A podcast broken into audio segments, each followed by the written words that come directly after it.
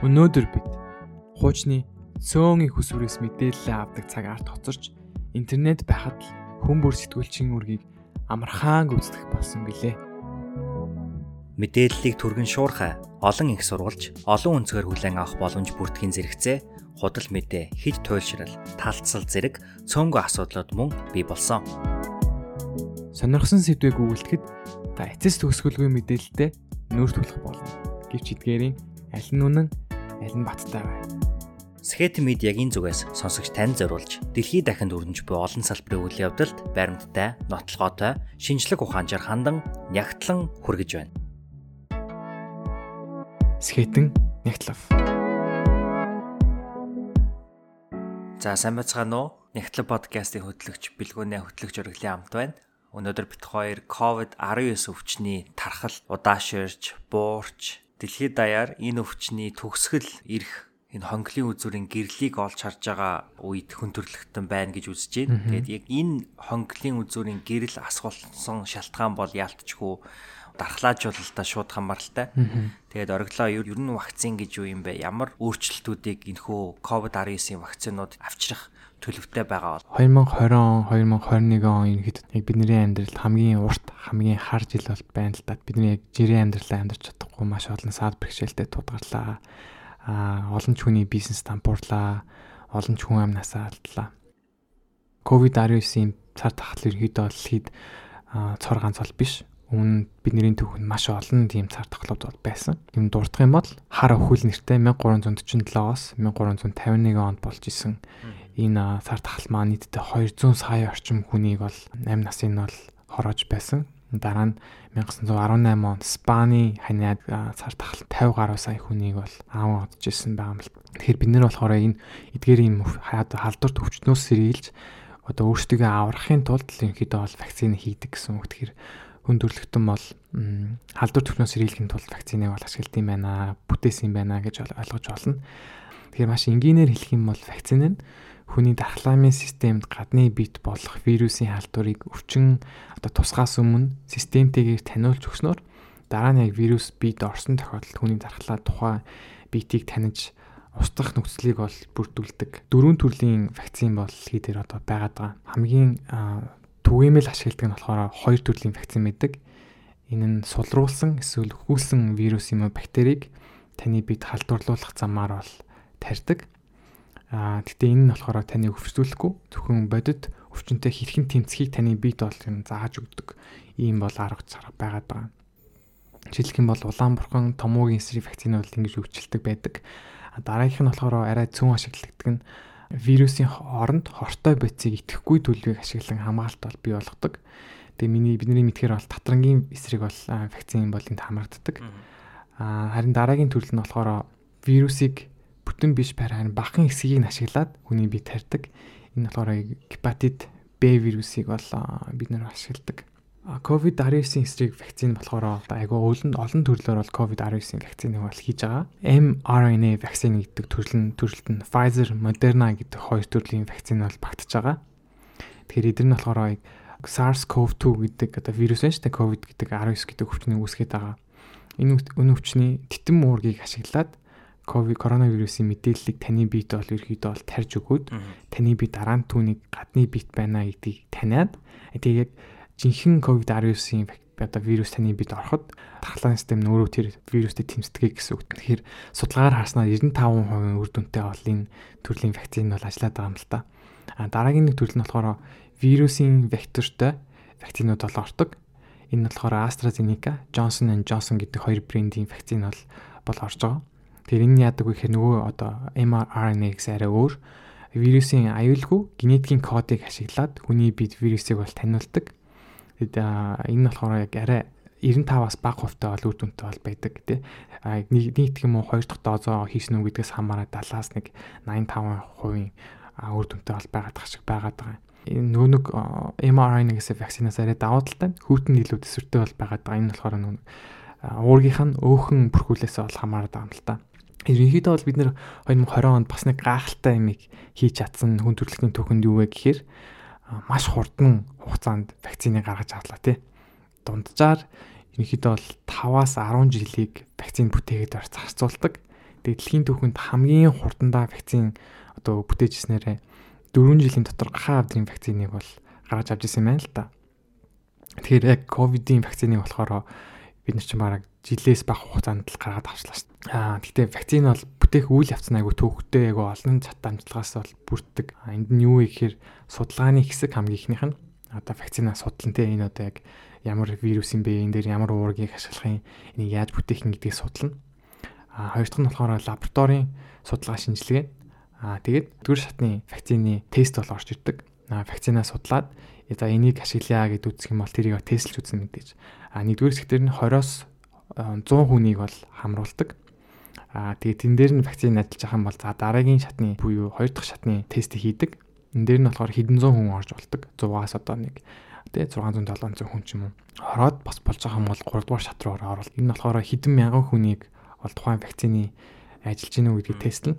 А тэг хэрвээ ямар нэгэн сөрөг үр дагавар ч юм уу байхгүй байх юм бол тухайн одоо эрүүл мэндийн байгууллага газраас бол үнийг бол вакциныг за ажиллаж байна гэж баталдаг. Монголоор болохоор мэрэгжлийн хяналтын газар гэж байдаг те. Бид нарт үнэхээр вакцин гараад гайхалтай шинжлэх ухааны юм дэвшил гарсан ч гэсэн нөгөө тал дээр одоо вакцин гэдэг юм итгэдэггүй те. Вакциныг буруу гэж үздэг, вакцин хийхгүй гэж хүрээдэг тийм бол хүмүүс нэг хэсэг хүмүүс бол байдаг л та. Вакцины ачаар бид нэр маш олон хүний амийг олохын төвхөн бол аварсан. Жишээлх юм бол жилд 2-оос 3 сая хүний вакцины ачаар амь насыг нь авардгаа гэдэг тийм судалгаа байдаг. Батид А, Б, Кавдар, Улаанбурхан, Салхин цэцэг гэмэт олон өвчнөөс бол бид нар санаа зовох шаардлагагүй бол болсон байдаг. А үүнтэй зэрэгцээд вакцинд итгэх итгэл түүний үүсэх эсэргүүцэх хүмүүсийн тоо бас мэдээж олсорсон. Мэдээж нэг сошиал медиа гэдэг авны ил нэг сөрөг тал нь бол харагдаад байна л да тий. Худал мэдээ айгүй олон амархан тархдаг. Тэр нь ямар ч тийм цензургүй иймэрхүү мэдээлэл аваад байгаа учраас хүмүүс айгүй итгэж байна гэж болоод болж байна тий. А энэ юу нэг яагаад энэ одоо хамгийн том вакцин итгэх итгэлгүй болох тийм юм анх үүсэн бэ гэхээр вакцин аутизм гэдэг өвчнийг одоо имийг үүсгэдэг гэдэг нэг тийм судалгааг 1998 онд эрүүл мэндийн Lancet гэд маш том юм сэтгүүл харин 2004 онд болохоор энэ худлаа гэдэг нь бол батлагдаад а гисэн ч гэсэн одоо хүртэл одоо вакцин итгэдэггүй вакцин бол аутизм буюу бусад олон төрлийн одоо өвчнийг үүсгэдэг ч юм уу эсвэл вакцин бол засгийн газрууд энтэнд явж байгаа чинь мэдих зорилготой гэдэг ч юм уу иймэрхүү юм бол айгүй олон хүмүүс төрсэн байгаа юм л да. Бас нэг бодлын харамсалтай.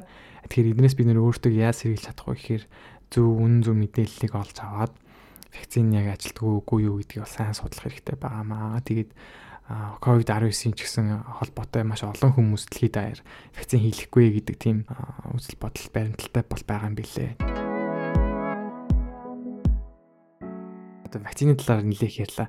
Ер нь өнгөрсөн жил юу болов бро одоо солиотой юм шиг жил байлаа шүү дээ. Тэр талаар бэлгүүнээ сонсогчтой хэлж өгөөч. За оргил хоёр яг энэ подкастыг бичээд сууж байхад бол 3 сарын 9-ны өдөр бол. За тэгээд 3 сарын 9-ны өдөр буюу өнөөдрөөс 1 жилийн өмнө нь бол хугацаанд буюу 2020 оны 3 дугаар сарын 11-ний өдөр Дэлхийн эрүүл мэндийн байгууллагын дарга дэлхийд дахинд одоо хурдтайгаар дарахж буй COVID-19 өвчний дархалтыг пандеми буюу цар дахал гэж одоо л дэлхийний зарлсан байдаг. Дэлхийн эрүүл мэндийн байгууллага халдвар хүнд ноцтой төвшөнд хүрээд байгаад мөн хангалттай арга хэмжээг зарим улс орнууд авч чадахгүй байгаад ихээхэн санаа зовниж байна. Ийм учраас бид COVID-19-ийн дэгдэлтийг цар дахал гэж тодорхойлож болохоор боллоо гэж үзэж байна. Ингэж зарлаад дэлхийн нийтийн улс орнуудыг яаралтай арга арга хэмжээнүүдийг авч эхлэх хэрэгтэй байна гэж уриалсан. За энэ үйл явдлаас болохоор яг 1 сарын өмнө буюу 2020 оны 2 дугаар сарын 11-ний өдөн вирусын одоо яг энэ хувилбарыг COVID-19 хэмээн нэрлсэн байдаг. 2020 онд бид мөр ингээд бодох юм бол COVID-19 бол нэлээд одоо биднийг бут зөксөн санагдж байгаа боловч COVID-19-ийн тархалт бол Хятад улсын Вухан хотод бол 2019 оны 12 дугаар сард бол илэрсэн байсан. А 2019 оны хамгийн сүүлчийн өдөр 31-ний өдөр Хятад улс Дэлхийн эрүүл мэндийн байгууллагт албан ёсоор Вуханд болж буй үйл явдлын талаар мэдээлж 27 тохиолдол болоод илрээд байна гэдгийг бол мэдгдсэн. За титэн вирус гэдэг энэ вирус бол яг үнэндээ шин зүйл бол ерөөсөө биш. Яг титэн вирус гэдэг ерөнхийн энэ вирусыг нь бол дэлхийн эрүүл мэндийн одоо хамт олон тийм ээ судлаад бол аль хэдийн хагас цун өнгөрсөн байдаг. А гэхдээ энэ яг энэ төрөл нь одоо шин төрөл байгаа. Өмнө нь бол бүртгэгдээгүй. 3 сарын 6-ны өдөр буюу 2020 оны тийм ээ дэлхийд дээр хамгийн анхны 100 мянга дахь тохиолдол бол бүртгэгдчихсэн. А тэгээ яг энэ үед болохоор Америк нэгдсэн улс тэргүүтээ одоо хөгжсөн орнуудын их сургуулиуд буюу одоо эрдэм шинжилгээний институтууд юу гэж мэдэгдэжсэн бэ гэхээр одоогийн байдлаар илрээд байгаа тоон жинхэнэ тооноос 10 дахин том тоо байж болохыг бол тухайн үед анхааруулж исэн. Одоо тэгвэл өнөөдөр буюу 3 сарын 9-ний өдөр 2021 оны байдлаар дэлхийд даяар 117 сая 751 мянган тохиолдол илрээд байна. 2020 оны 3 дахь сараас хулаад Европын улс орнууд бол хөл хоригуудыг бол тавьж эхэлж исэн. Одоо Итали, Испани зэрэг улсууд бол яг хамгийн их тохиолдлууд автагдаж ер нь дэлхийд даяар цочирдол үүсгэж бол эхэлж исэн те. А тэгээд 4-р сарын 10-ны өдөр болохоор дэлхий дээр нийт 100 мянган хүн одоо нас орсон а мөн тохиолдол нь 1.6 сая хүрсэн. А тэгээд улмаар 9-р сарын 9-нд 2020 оны 1 сая хүн одоо нас барж одоо 5 сар гаруй хугацааны дараа буюу өнөөдөр нас орсон хүний тоо 2 сая 600 мянга бол даваад байна. За энэ хугацаанд өнгөрсөн нэг жилийн хугацаанд бол түрүүн оргил маань нэлээ ярьлаа вакцины хөгжүүлэлтийг бол маш эрчимтэй хийсэн. Англи, Канада, Америк нэгдсэн улс зэрэг одоо улс орнууд те 2020 оны сүүл үе гэхэд өөрсдийнхөө хамгийн анхны одоо вакцинуудыг бол одоо хүлээн зөвшөөрч зөвшөөрлүүдийг бол олгож эхэлсэн байгаа. Тэгэхээр өөрөөр хэлбэл нэг жилийн дотор буюу одоо цоошин титэм вирусын халдвар гараад дэлхийд даяар тархаж цар тахал болсон нэг жилийн хугацаанд бол амжиж бол одоо вакциныг бүтээсэн байгаа. За энэ амжилтанд хүрэхэд бол дэлхийн эрүүл мэндийн community хоорондоо маш сайн хамтарч ажиллаж судалгаа гэл туршилтын одоо мэдээллүүдээ бол хоорондоо маш идэвхтэй хуваалцсны үр дүнд бол одоо хүрсэн гэж ерөнхийдөө бол үзэж байгаа юм байлээ. Вакцин бүтээхэд бол цаг хугацаанаас гадна мөнгө хөрөнгө бол маш их шаардлагатай байдаг. Ерөөсөө одоо энгийн одоо нэг вирусын эсрэг одоо вакцин бүтээхэд л дунджаар 40 орчим сая доллар бол зарцуулагддаг. Аа тэгээд дэлхийд даяар одоо ингээд нийтдээ хийгдэж байгаа вакцинуудын тоог ингээд харах юм бол 200 гаруй одоо вакцинуудыг бол одоо бүтээж бүтээх гэж л оролдож байгаа юм байна. А энэ дээрс бол маш цөөхн нь бол одоо шалгараад одоо 2 3 шатанд руугаа ороод дуусгаад эхнээсээ ахуулаад дэлхийд даяар бол одоо хүлэн зөвшөөрөгдөөд тараагдаж эхэлж байгаа бол байгаа. Pfizer, Moderna зэрэг одоо вакцинууд нь түрүүний оргилын хэлсэн mRNA буюу RNK вакцинуудын төрөлд бол багтж байгаа. Тэгээ энэ нь болохоор хүний бие дээр одоо хүнд хэрэглэгдэж байгаа хамгийн анх RNK төрлийн вакцинууд юм байна лээ. Энэ нь юу хэлж байна гэхээр хүн төрөлхтөн бас нэг талаас харах юм бол өнгөрсөн хугацаанд яг энэ вирусыг одоо дэлхийд даяар цар тахал болж тарахаас өмнө ерөнхийдөө бол одоо энэ RNK төрлийн вакцин бүтээх хөгжүүлэлтийг бол нэлээд удаан хийцэн байсан учраас азан таарад гэж хэлэх юм уу те. Одоо энэ вирус вирусын эсрэг вакциныг бол богино хугацаанд бүтээх боломжтой болсон байгаа. COVID-19 бол хувьсж байгаа те. А гэхдээ дэлхийн эрүүл мэндийн одоо байгууллагууд хамт олонны хэлж байгаагаар а энэ вирус хувьсж байгаа ч гэсэндээ вакцин идэхгүй болох хэмжээнд бол одоо хувьсахгүй байгаа гэж ерөөхдөө хэлж байгаа. Тэгэхээр бол өөрөөр хэлбэл бид нэр бидний одоо гаргаж аваад байгаа вакцинууд одоогийн байдлаар бүгдөө одоо энэ өөр өөр төрөл одоо вариант буюу хувилбарууд гарч ирж байгаа ч гэсэндээ тэдний хэсэг идэвхтэй байсаар байгаа гэж. Аа тэгэхээр бэлгүнэ вакцин гараад ингээд хонглын үзүүрт гэрэл харагдаж байгаа юм шиг агай олон хүмүүс санагдаж байна л да. Гэхдээ яг чиний түрүүний хэлсэн шиг одоо вирус хувьсаад байна.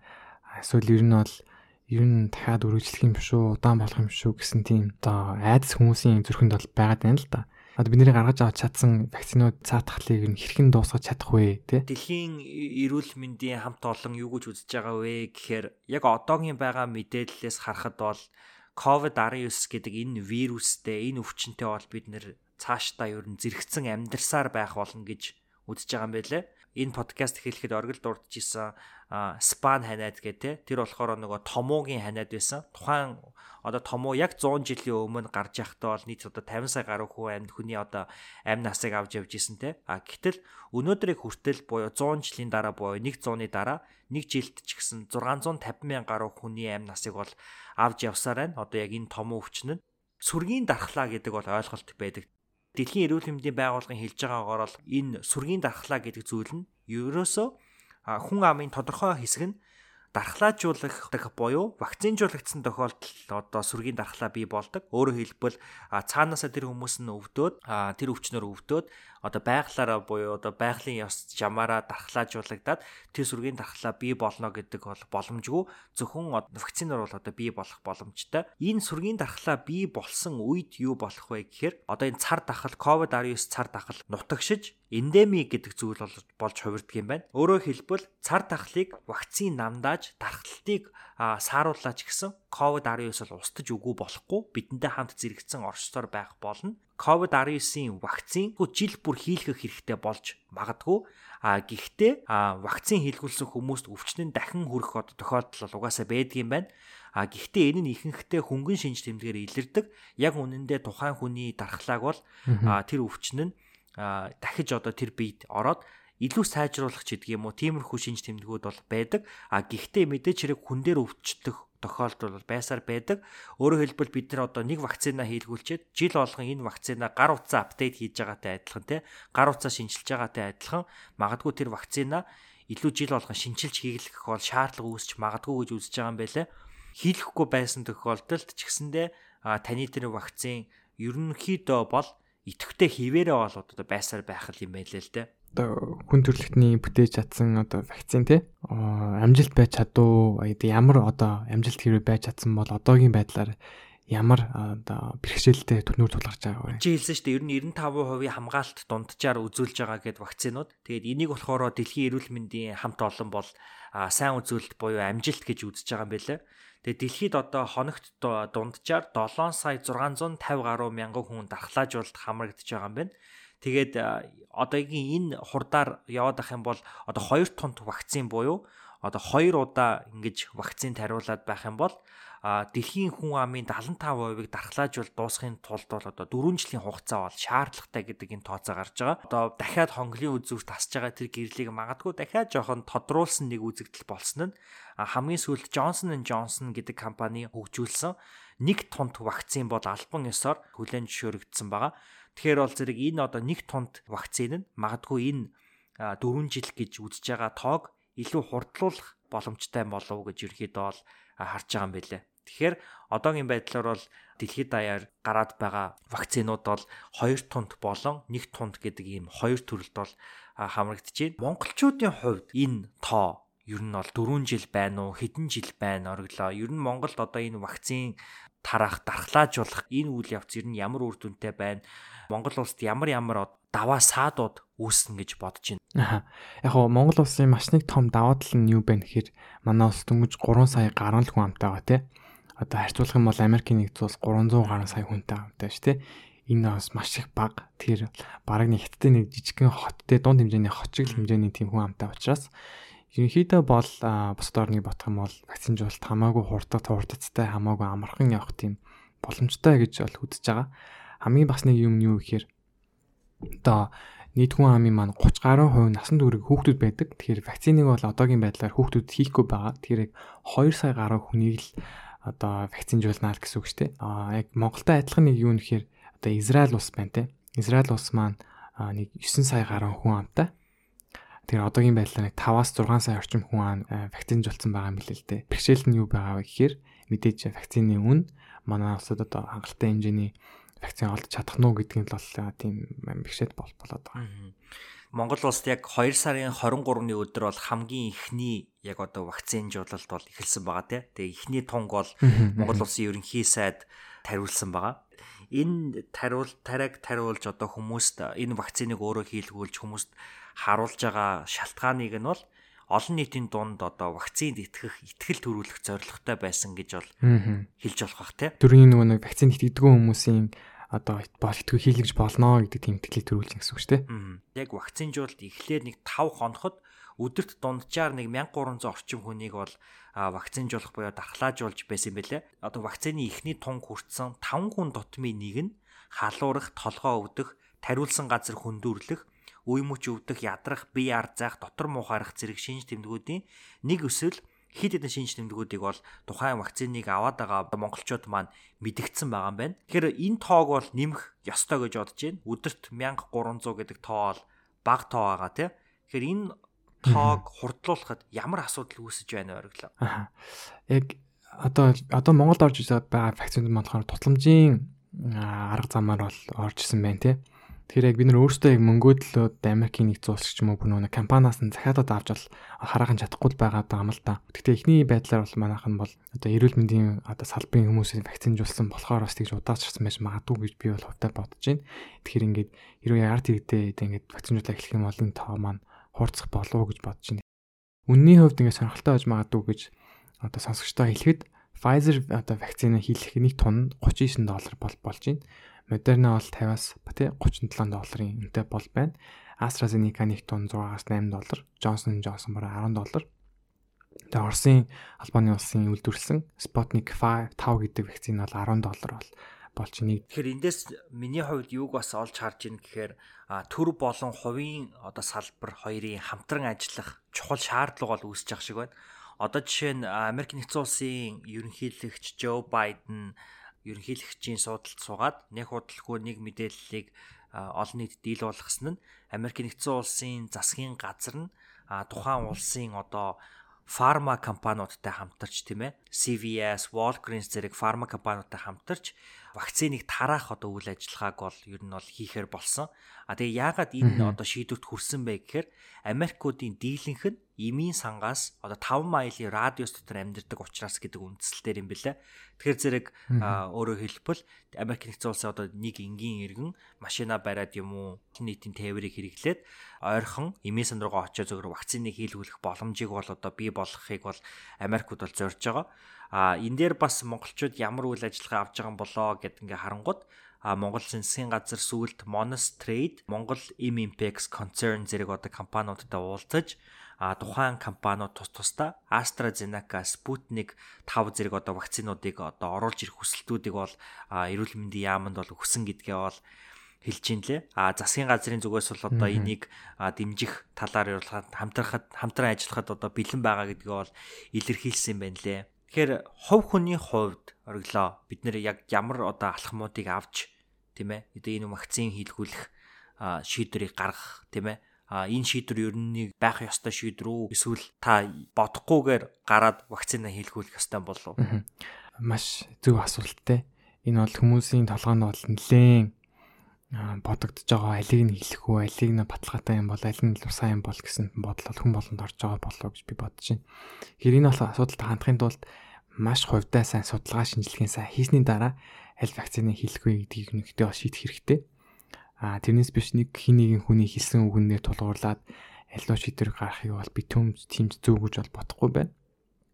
Жишээ нь бол одоо хятадын Sinovac вакцин бол хятад болохоор бол хийхгүй гэсэн бол үг байгаж байж болохгүй те.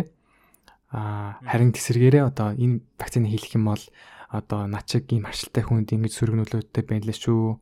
Энэ начиг би энэ таарахгүй байна гэдэг тийм үндсэн дээр л одоо альва нэгэн вакцины хийхгүй байна уу гэхээс биш одоо зүгээр нэг тийм хоосон одоо үг ярианаас бол вакцина хийхгүй хийхгүй гэдгийг бол шийдэж бод болохгүй гэж би бол хувьдаа бодож байгаа. Аа тэгээд ерөнхийдөө улсын газрын одоо тий одоо баталгаатай их сурвалжаас мэдээлэл авах хэрэгтэй. Ийм байдлаар бол вакцинд авах хандах хэрэгтэй. Гэхдээ нэг юм болохоор бид нарт зарим хүмүүст сонголт байхгүй байж магадгүй гэдгээс бодож үзэх хэрэгтэй. Одоо хичнээн Pfizer вакцины хийлгэмээр байсан гэсэн ч гэсэн Монголд орж ирээгүй бах юм бол одоо байгаа нэгэн AstraZeneca юм уу одоо Sputnik юм уу аль нэгийг хийлгэх шаардлагатай л гэсэн үгтэй тийм. Тэгэхээр чиний хувьд одоо хамгийн сүүлд хэлэхэд монголчуудын хувьд хэдэн сар тийм яг хизээ вакцинжуулалт дууснаа гэж өнөж бодож байна. Монгол улсын засгийн газар солигдоод нэг худалгүй яг энэ дээр төлөвлөгөөнүүдээ бол гаргаж эхэлсэн юм байлээ. Миний хувьд ингээд хөндлөнгийн ажиглагчийн хувьд өөрийн засгийн газрын ингээд үйл ажиллагааг харж байхад бол нэлээд бас одоо амбиц өндөртэй байгаа болов гэж харагдаж байгаа. А энэ бол ерөөсөө хэрвээ амлалтандаа хүрч чадах юм бол сайн зүйл байгаа те. Тэгэхээр бол энийг би бол муу зүйл гэж бодохгүй. Засгийн газрын хэлж байгаагаар бол 3 сараас ахуулаад 5 дугаар сар гэхэд 2 сарын дотор багтааж Улаанбаатар хотыг бол бүрэн вакцинжуулж дуусна гэж байгаа юм билэ. А үүнтэй зэрэгцээд Монгол улсыг бол одоо хилээ нээн гэж бол амлалт өгөөд байгаа. А 7 дугаар сар буюу 5 дугаар сараас 7 дугаар сар гэхэд бол одоо орон нутгийг бол вакцинжуулж дуусгана гэдэг энэ амлалтыг өгсөн байлээ. А 3 сарын 15-наас багш нийтийн тээврийн жолооч худалдаа үйлчлэгийн салбарынхныг бол одоо вакцинд хамруулж эхэлнэ гэж үзэж байгаа юм бэлээ. За засгийн газар бас одоо сүүлд хийсэн мэдээлэлтэй засгийн газрын одоо жинхэнэ хүч чадал нь нийтдээ өдөрт 20 мянган хүнийг бол одоо вакцинжуулж чадна гэж бол амлалт өгж байгаа юм байлээ.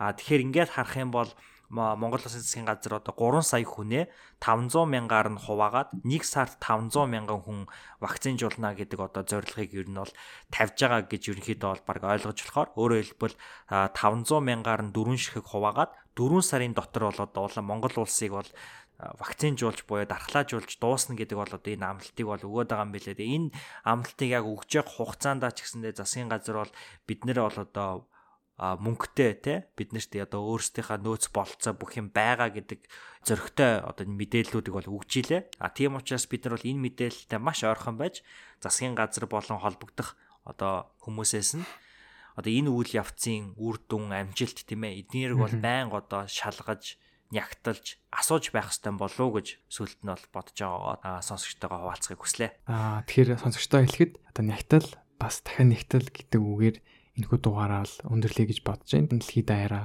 COVID-19-ыг утгагүй даваад бид нэр хуучин амьдралтаа эргээд авах болтугай гэдэг итгэлээр энэ дугаараа бас өндөрлөё гэж бодож байна. Баярлалаа бэлгүнэ. За баярлалаа. За Нягтлаг подкастынхаа энэ дугаарын сүүлд яг цаг үеийн мэдээллийг та бүхэндээ хүргэх зорилгоор Монгол улс төдийгүй дэлхийн олон хүн ам дунд тодорхой хэмжээний айдас төрүүлээд байгаа AstraZeneca вакцины тухай товчхон мэдээллийг та бүхэнд хүргэе гэж бодож байна. Энэхүү подкастыг бол оргил бит 2 2021 оны 3 дугаар сарын 9-ний өдөр бичсэн. За яг энэ хүү подкастыг янзлаад та бүхэндээ хүрэхэд бэлэн болгож байгаа өдөр маань 3 сарын 15-ны өдөр. Энэ өдөр болохоор томоохон үйл явдал тохиоллоо. Тэрний юу вэ гэхээр Европын холбооны Герман, Франц, Итали болон Испани зэрэг улс орнууд нь AstraZeneca-гийн COVID-19 өвчний вакциныг а энэ даваа гарагаас эхлэн төр зур ард иргэдэд тарихгүй байх шийдвэрийг гаргаад байгаа. За энэ шийдвэрийг юун дээр үндэслэж гаргасан бэ гэхээр Европын холбоонд энэхүү вакциныг тарьсантай холбоотойгоор үүний дараагаас хэд хэдэн тохиолдолд буюу 37 тохиолдолд цус нүжрэх тийм ээ ийм асуудлууд бол ажиглагдсан гэж үзэж байгаа. Гисэн хэдий ч Дэлхийн эрүүл мэндийн байгууллага болон Европын холбооны им тарианы агентлаг зэрэг нь энэхүү цус нүжирч байгаа шалтгаан нь AstraZeneca вакцинаас шууд холбоотой гэсэн ямар ч тийм баримт нотлохоо байхгүй гэж үзэж байгаа. Тийм учраас дэлхийн эрүүл мэндийн байгууллагаас бол вакцинжуулалтыг бол зогсоохгүй байхыг бол шаардж байгаа. AstraZeneca вакцин нь дэлхийн эрүүл мэндийн байгууллагын COVAX хөтөлбөрийн одоо хамгийн чухал баг нь болсон вакцинуудын нэг бол яхаа аргагүй мөн байгаа. Тийм учраас бол энэ вакциныг хэдийд Европын холбоогоор Европын холбооны дөрвөн улс өнөөдрийн байдлаар 2021 оны 3 сарын 15-ны өдрийн байдлаар зогсоогоод байгаа ч гэсэндэ дэлхийд даяар үргэлжлүүлэн бол тараагдж хэрэглэгдсээр байгаа. Хэдий Европын холбоо энэ шийдвэрийг гаргасныхаа дараа AstraZeneca-г төр хугацаар ингэ зогсоож байгаа нь ямар нэгэн эрсдлээс сэргийлэх зорилгоор гэж бол хэлж байгаа. Өөрөөр хэлбэл шууд утгаараа Европын холбоо AstraZeneca вирус нь цус хурах нүжрэх энэ асуудлыг бол бий болгож байна гэдэг мэдгдлийг бол ерөөсөө хийгээгүй байгаа. Зөвхөн сэргийлэх, хамгаалах зорилгоор энэхүү алхмыг авч байгаа гэж мэдэгдээд байгаа юм байна.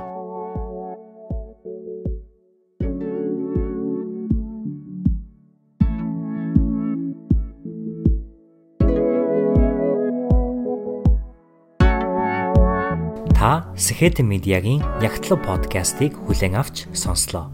Энэ дугаарын мэдээг хөтлөгч Бэлгүн оргил нар нягталж саунд инженер дээр буяа ажиллав.